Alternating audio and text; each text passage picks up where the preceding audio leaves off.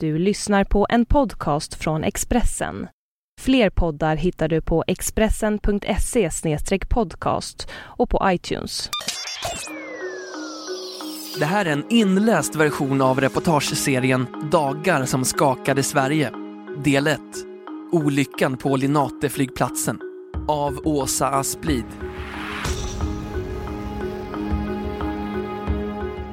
Piloterna skulle just lyfta det fullsatta SAS-planet när ett litet privatplan dök upp framför dem på startbanan.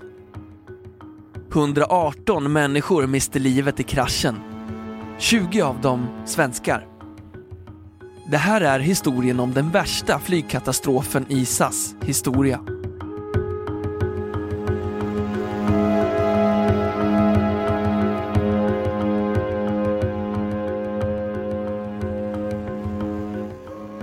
Från balkongen hörs bullret från flygplan som startar och landar på Linate-flygplatsen i Milano, fem kilometer därifrån.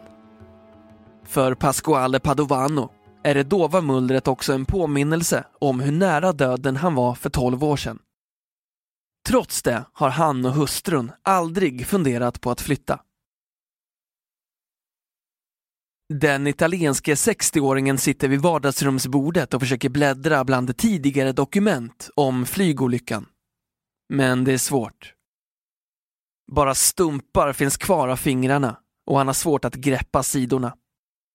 Pasquale visar ett fotografi från sin födelsedag där han har yvig mustasch och tjockt mörkt hår.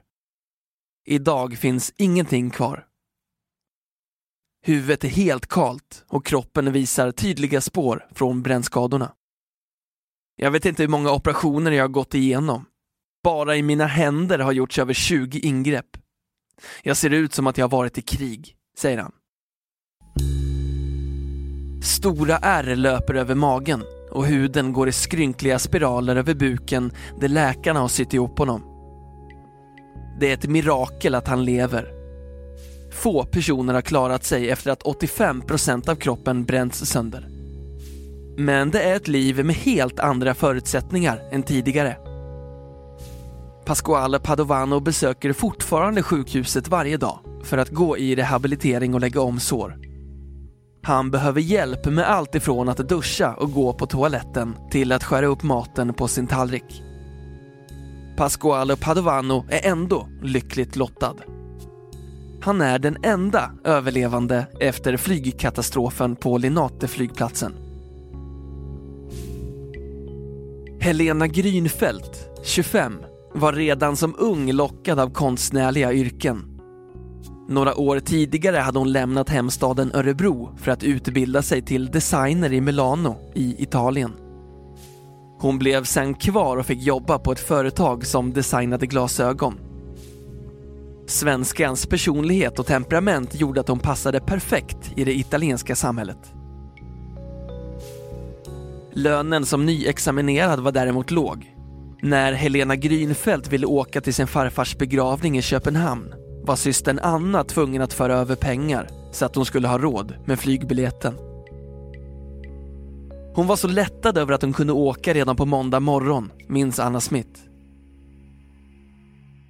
Helena Grünfeldt skrev en lista på allt hon behövde ta med sig hem och packade ner mörka begravningskläder i resväskan innan hon åkte till Linate-flygplatsen morgonen den 8 oktober och boardade flight SK 686 till Köpenhamn. Snart skulle hon vara i Danmark för att ta farväl av sin farfar. Christer Forsman, 45, från Sollentuna var en energisk företagare och entreprenör. Han var bara 27 år när han grundade godisföretaget Karamellkungen och därmed introducerade begreppet lösgodis på den svenska marknaden. De första åren hade han och hustrun Annette hela godislagret hemma i garaget. När Christer Forsman 13 år senare sålde Karamellkungen hade företaget växt ordentligt. Han valde sen att återuppta sitt ungdomsintresse, go-kart. Som ung hade han tävlat i motorsporten och var fortfarande en duktig förare och mekaniker. Nu vill han hjälpa nya förare att ta sig fram och hösten 2000 startade han tillsammans med några vänner Team Anecto Racing. Målet var att göra det lättare för ungdomar som tävlade på hög nivå att ta sig fram internationellt utan att de för den skull missade skolan. 5 oktober 2001 åkte nio personer från Anecto Racing till Parma i Italien för att köra den andra deltävlingen av tre i serien Industrikuppen. Med sig hade Christer Forsman sin 15-årige son Robin som gått i pappas fotspår och var nu en av Anectos tre unga stjärnor. Tidigt på måndagsmorgonen den 8 oktober ringde Christer till sin fru Annette och berättade att han och Robin var på väg till flygplatsen. Hon hade stannat hemma i Sverige tillsammans med yngste sonen Kevin, 5, och dottern Natalie, 18. Annette lämnade över telefonen till Kevin och kunde höra hur Christer, som pratade ganska högt i telefonen, sa “Nu är pappa hemma snart. Då ska vi ut och leka.”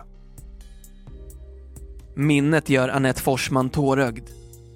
Sonen Kevin, idag 17 år gammal, kommer heller aldrig att glömma telefonsamtalet och hur mycket han längtade efter att pappa skulle komma hem från Italien. På morgonen den 8 oktober 2001 låg en tjock vit dimma över flygplatsen. Flight SK686 från Linate-flygplatsen i Milano till Kastrup i Köpenhamn skulle avgå klockan 7.35 men försenades av vädret. Ombord fanns 104 passagerare. Majoriteten från Sverige, Italien och Danmark. På planet fanns också sex SAS-anställda. De svenska piloterna Joakim Gustafsson, 36 och Anders Hylander, 36 kontaktade flygledartornets markkontroll klockan 7.41 och fick beskedet att de kunde köra ut till väntplatsen för startbana 36R. 18 minuter senare, klockan 7.59, hade de den sista radiokontakten med markkontrollen. Samtidigt gjorde ett litet Cessna-plan sig redo för att lyfta från Milano till Paris.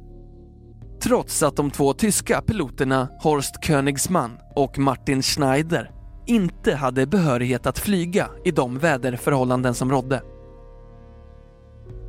Piloterna skulle flyga två affärsmän till den franska huvudstaden som en del i demonstrationsflygning eftersom en av affärsmännen övervägde att köpa en Cessna. Klockan 7.58 kontaktade de flygledartornets markkontroll och fick besked att de kunde köra ut norrut på taxibana R5 för att sen stanna i ena änden av startbana 36R. Jag styr norrut, sa Horst Königsman till markkontrollen. Men Cessnan valde av oklar anledning fel färdväg och körde istället österut på en annan taxibana, R6. Den tjocka dimman, i kombination med att markradarn var ur funktion, gjorde det omöjligt för flygledarna att se något av flygplanen. De upptäckte därför inte Cessnas misstag. Klockan 8.09 fick de tyska piloterna klartecken att taxa ut till väntplatsen vid bana 36R. Men i själva verket körde de ut mitt på startbanan. Vid exakt samma tidpunkt fick SAS-planet, på en annan radiofrekvens, tillstånd att lyfta. Mindre än en minut senare kolliderade planen. SAS-planet hade då accelererat till 270 km i timmen och klöv den stillastående Cessnan i tre delar. SK686 tappade höger landningsställ och höger motor vid kollisionen men piloterna lyckades trots det få upp planet i luften och flög i drygt 10 sekunder innan planet kraschade i marken i slutet av landningsbanan. Med en hastighet av 257 km i timmen kanade SAS-planet sedan drygt 500 meter över en gräsmatta innan det brakade in i en hangar.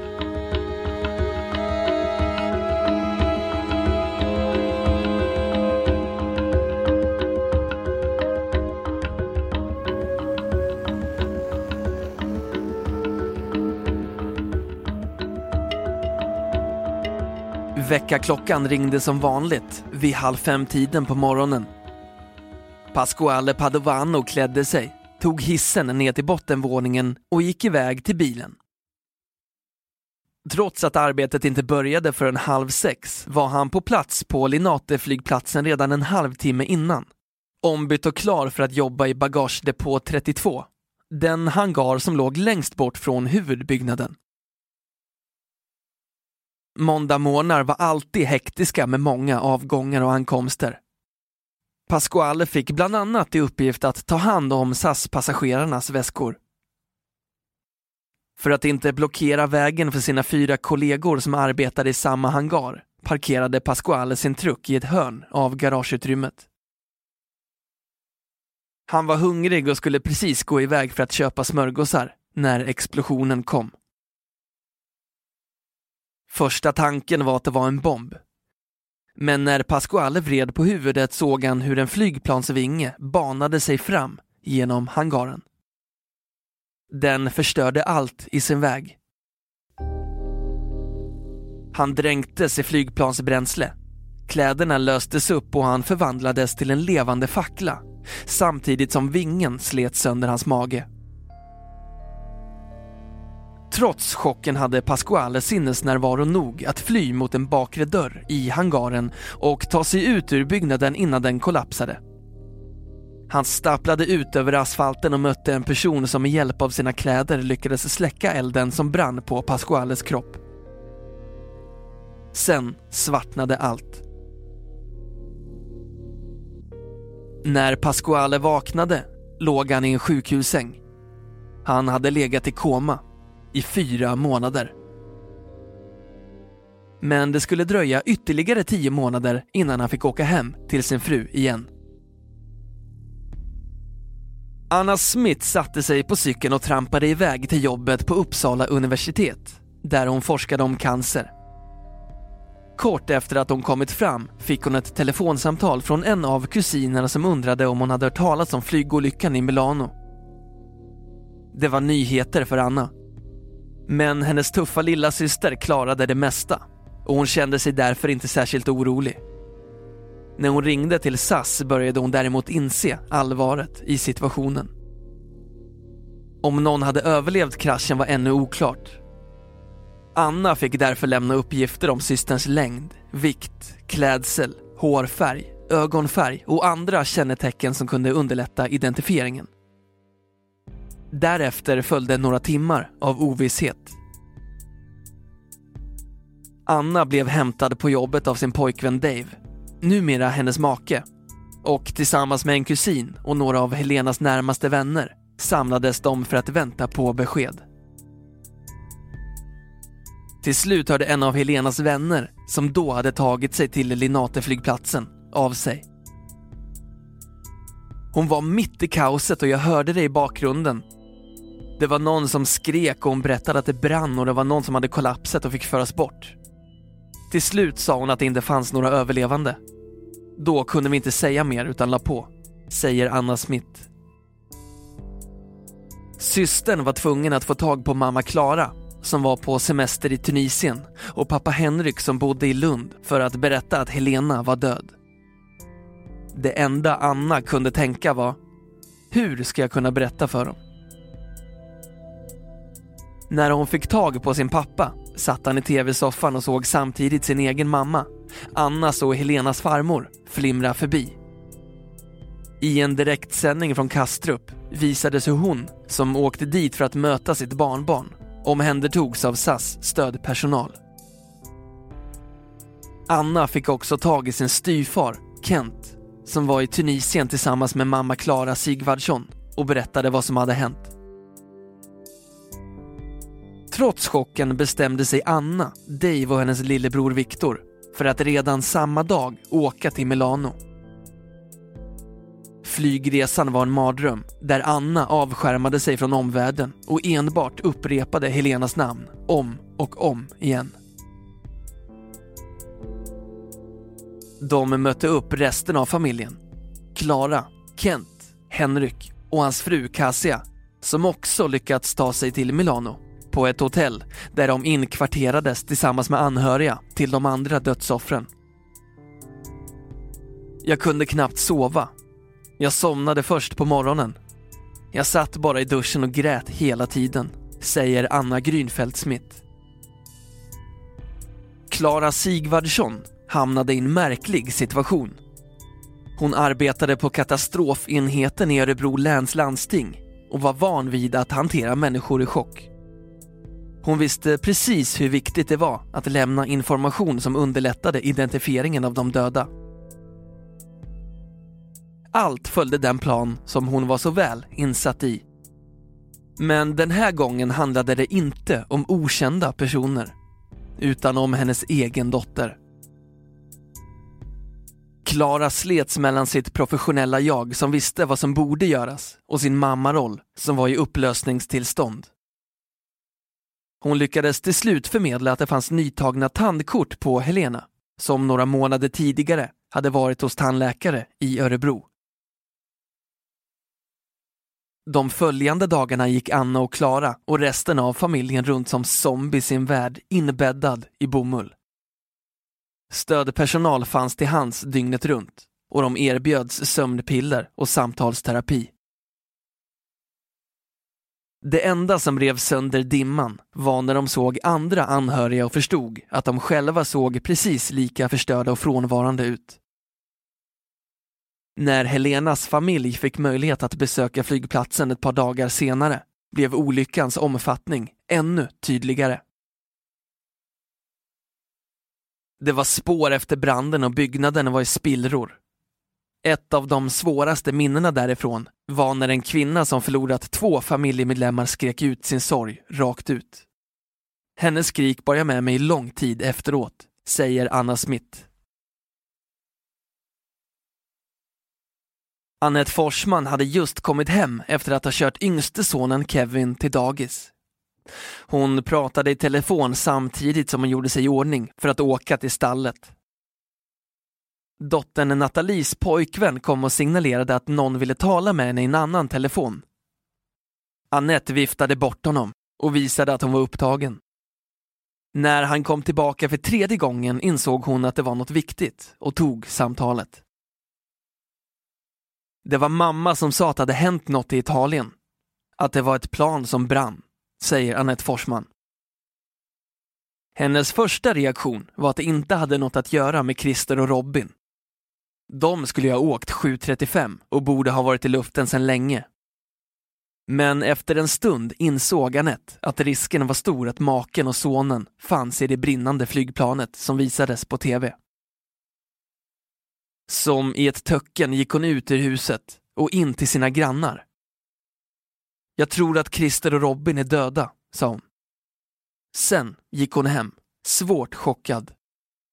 Utanför ytterdörren vek hon sig dubbel av illamående och grannen som oroligt följt efter försökte försiktigt trösta henne. Andra vänner körde sen Anette till dagis så att hon kunde hämta Kevin. När hon såg honom komma skuttande mot bilen kände hon hur hjärtat brast. Kevin frågade vart pappa och Robin var. Tårarna rann om man skulle försöka vara stark mamma i all bedrövelse. Mitt enda snöre att hålla fast i var att tänka, hur hade Christer tänkt? Hur hade han gjort?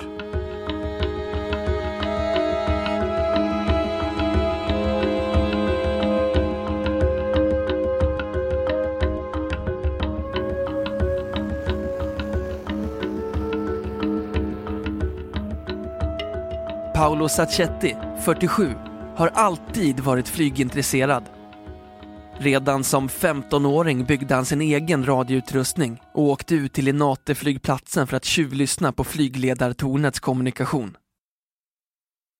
Ibland kom poliser fram till honom. Men inte för att säga åt honom att försvinna, utan för att låna utrustningen så att de också kunde lyssna. Föga förvånande började Paolo Sacchetti tidigt arbeta inom flyget och 1996 fick han drömjobbet som flygledare. Först på en annan flygplats, men efter två år blev han förflyttad till Linate. Han sitter vid ett kafébord i centrala Milano och tvekade länge innan han bestämde sig för att ge sin version av det som hände. De få gånger Paolo Sacchetti har talat med journalister har han ofta känt sig missförstådd. Jag har alltid varit helt övertygad om att jag inte gjorde något fel.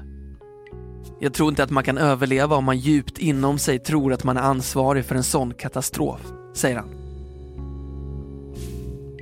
På morgonen den 8 oktober körde Paolo Sacchetti till jobbet som vanligt. Han började vid sjutiden på morgonen och satte sig på platsen för flygledartornets markkontroll, läste igenom loggen över vad som hade hänt under natten och drack en kopp kaffe. Utanför fönstret var sikten inte mer än 50 meter. Det var som att titta in i en vit vägg. Vi såg inte ens vad som var på marken nedanför tornet, säger han. Paolo hade kontakt med både SAS-planet och de tyska piloterna på Cessnan. Men vid olika tillfällen. Han dirigerade ut dem på de olika taxibanorna varifrån de senare tog sig vidare till startbanan. Fram till klockan 8.10 var allt som vilken morgon som helst. Då hörde flygledarna en dämpad smäll. Men ingen i tornet brydde sig om smällen. De var vana vid att det smällde och dunsade runt deras arbetsplats. Flygledartornet var gammalt och metalltrappan på utsidan slog alltid mot väggen när någon klättrade på den. När varken Paolo eller hans kollega lyckades få kontakt med Cessnan och SAS-planet började de ana att det var något som inte stod rätt till. Men ingen kunde föreställa sig vad som hade hänt. Först när en annan anställd på flygplatsen rapporterade att det brann vid en av hangarerna började personalen i flygledartornet förstå vad som hade hänt. Vi började pussla ihop olika informationsdelar vi hade två saknade flygplan. Vi hade en brand. Men första tanken var ändå att det var en bomb. Det var först när en anställd körde ut på landningsbanan och hittade den brinnande Cessnan som vi verkligen insåg vad som hade hänt, säger Paolo Sacchetti. Han beskriver hur han därefter fortsatte att jobba en knapp timme för att dirigera tillbaka alla flygplan som redan befann sig på andra taxibanor i väntan på att lyfta. Efter det gick kallade flygplatsledningen till ett möte i huvudbyggnaden för att diskutera krissituationen. Jag kunde inte förstå då, jag kan fortfarande inte förstå, hur en professionell pilot kan säga till mig att han befinner sig på bana R5 för att sen köra ut på bana R6. Jag begriper inte helt enkelt, säger Paolo Sacchetti. Många ansåg dock att det var hans ansvar att hålla ordning på flygplanen och att en flygledare borde ha vägrat att arbeta under förhållanden där det inte fanns någon fungerande markradar. Trots att en sån arbetsvägran skulle ha gått emot alla lagar och regler på den tiden. Paolo Sacchetti och tio andra åtalades 2004 i den italienska motsvarigheten till tingsrätten för att på olika sätt ha medverkat till olyckan. Flera av dem dömdes till långa fängelsestraff. Flygledaren Paolo Sacchetti och chefen för Linate-flygplatsen, Vincenzo Fusco, ansågs bära huvudansvaret. Men processen fortsatte i både italienska motsvarigheten till hovrätten och senare också i Högsta domstolen som sänkte flera av domarna radikalt.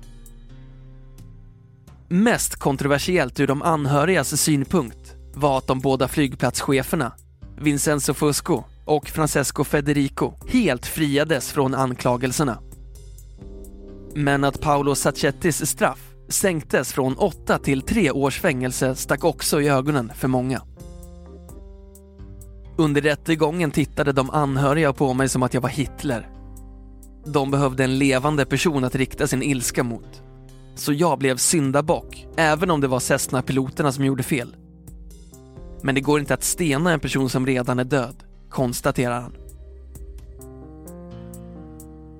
I enlighet med italiensk lag behövde Paolo Sacchetti aldrig avtjäna sitt treåriga fängelsestraff då han var tidigare ostraffad. Han jobbar fortfarande kvar för samma arbetsgivare som tidigare. Men flygkraschen gör sig fortfarande påmind ibland. För ett par år sedan ansökte han om tillstånd för att få skriva in sig på en skola för skärmflygning. Då blev det rubriker i de italienska tidningarna eftersom hans namn fortfarande väcker vrede. I Italien behöver man tillstånd från polisen för att få delta i en sån kurs. När jag sökte fick jag nej. De sa till mig, du orsakade 118 människors död. Du ska hålla dig borta från alla former av flygning. Men hur kan det ha någon betydelse om jag skärmflyger eller inte? De ville bara visa upp en show, visa att de skyddar folk från sådana som mig, säger han. Istället ägnar han sin fritid åt en annan passion, musik. Paolo besöker regelbundet katedralen i Milano där han bland annat hjälper till med att stämma den gigantiska orgeln. Skulle de anhöriga till offren i flygkraschen veta om det skulle de antagligen aldrig sätta sin fot i katedralen igen. De kritiserar mig för allt. Det spelar ingen roll vad det handlar om. Min skuld är att jag fortfarande lever, säger han. I Forlanini-parken, som ligger nära Linate-flygplatsen, står 118 björkar i en cirkel. Ett träd för varje person som dog i flygkraschen. På marken finns smala stenplattor med offrens namn. Det regnar och flera av stenarna är dolda under vildvuxet gräs. Paolo Pettinaroli, ordförande för italienska anhörigföreningen, 8 oktober-kommittén, kliver runt i den våta marken och försöker skrapa rent plattorna. Då olyckan inträffade arbetade han som VD för ett dotterbolag inom ett italienskt modehus. Paolo hade ett hektiskt liv med möten och resor över hela världen. Sonen Lorenzo var på väg uppåt i karriären inom samma bransch. 28-åringen hade nyligen fått ett nytt jobb i Schweiz och skulle lämna över sin gamla position till en svensk och var därför tvungen att åka till Stockholm. Den 8 oktober var Lorenzos ursprungliga flyg inställt och han fick hjälp av sin pappa för att boka om sig till flight SK 686. Att behöva välja vilken kostym man ska ha på sig till sin sons begravning, det är något av det värsta du kan uppleva, säger Paolo Pettinaroli. Hans ledar och språkegenskaper gjorde honom ordförande för den nystartade anhörigföreningen. Arbetet är en heltidssysselsättning och Paolo har sedan länge lagt klädkollektioner, modeveckor och catwalks bakom sig. Han är idag en av dem som kämpat hårdast för att den värsta flygkatastrofen i SAS historia inte ska glömmas bort och att olyckan ska få konsekvenser både för de ansvariga och för flygbranschen som helhet. Vi vill inte att de här människorna ska ha kvar sina jobb, för de skötte dem inte ordentligt. Men de är fortfarande kvar på sina positioner. Det är inte rätt, säger Paolo Pettinaroli.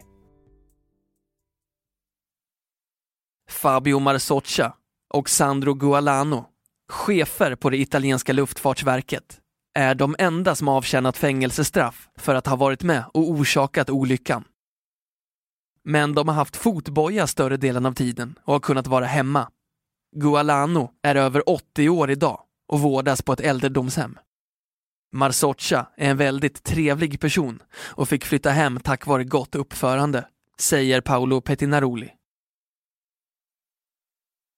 De juridiska turerna efter olyckan är ännu inte avslutade.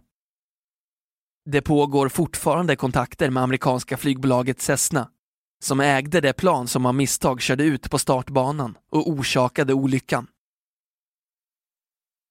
Svenska anhörigföreningen vill att en domstol avgör om Cessna också har en del av ansvaret. Vi anhöriga vill bara ha en prövning. Har man ett ansvar eller inte? Men Cessna har hela tiden vägrat att ens prata om det här. Nu ska vi pröva dem i Italien. Jag som anhörig kan tycka att de har ett jävligt stort ansvar, säger Annette Forsman. Paolo Pettinaroli suckar lätt när den svenska inställningen kommer på tal. Han tror inte att det kommer leda någon vart. För Paulos del är det rättsliga efterspelet avslutat och han flyger numera världen runt för att delta i konferenser och seminarier om flygsäkerhet. 8 oktober-kommittén är idag en tung instans i Italien och arbetar för att förbättra flygsäkerheten både inom landet och internationellt.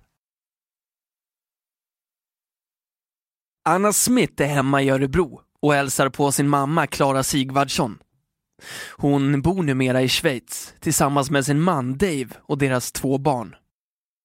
Karriären som cancerforskare har hon för länge sedan lagt på hyllan och idag driver hon istället en översättningsbyrå. Efter systern Helenas död fick Anna och Klara ett nytt sätt att se på livet. Man blir både modigare och räddare för man vet vad man kan råka ut för. Men samtidigt har vi redan varit med om det värsta som kan hända, säger de. Under många år hade hon och modern svårt att minnas Helena utan att tänka på flygolyckan som orsakade hennes död. De har ofta funderat på vad Helena kände under de drygt tio sekunderna det tog mellan kollisionen med Cessnan tills SAS-planet kraschade i marken. Men idag försöker de enbart fokusera på alla positiva minnen. Anna och Klara har bestämt sig för att olyckan inte ska få ta över minnet av Helena. Hon var så mycket mer än så. Och idag kan de känna glädje, om än med visst vemod, när de tänker på allt roligt de upplevde tillsammans. Annette och Kevin Forsman skrattar när de går över gokartbanan i Järfälla.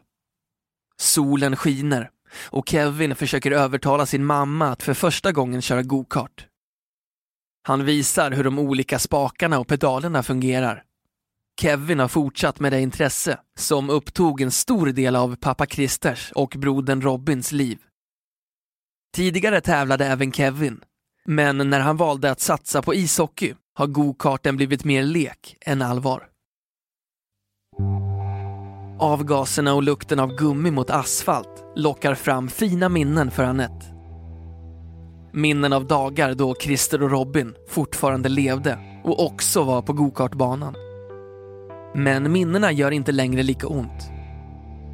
Annette, Kevin och Nathalie har lärt sig att leva med det som hände och ett nytt liv har tagit vid. De har tvingats acceptera att deras make, pappa, son och bror inte längre finns hos dem. Men de är fortfarande en stor del av oss och kommer alltid att vara det. Rätt som det är åker en tanke eller ett minne förbi och man associerar till något som de gjorde eller sa, säger Annette Forsman. Så blir det lätt på gokartbanan. För Kevin har det blivit en plats dit han åker för att koppla av. Där brukar han också träffa många av Robins gamla kompisar. De som brodern tävlade tillsammans med. Idag har de istället blivit Kevins vänner. Det tror jag att Robin skulle vara väldigt glad för, säger han.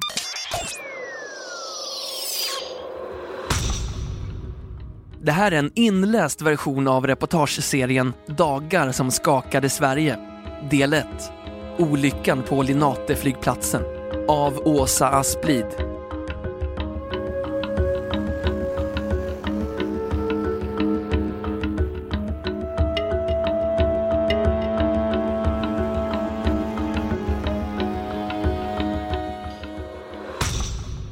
Du har lyssnat på en podcast från Expressen. Ansvarig utgivare är Thomas Mattsson. Fler poddar finns på Expressen.se och på iTunes. Ett poddtips från Podplay. I fallen jag aldrig glömmer djupdyker Hasse Aro i arbetet bakom några av Sveriges mest uppseendeväckande brottsutredningar. Går vi in med hemlig telefonavlyssning och, och då upplever vi att vi får en total förändring av hans beteende. Vad är det som händer nu? Vem är det som läcker? Och så säger han att jag är kriminell, jag har varit kriminell i hela mitt liv men att mörda ett barn, där går min gräns. Nya säsongen av Fallen jag aldrig glömmer på Podplay.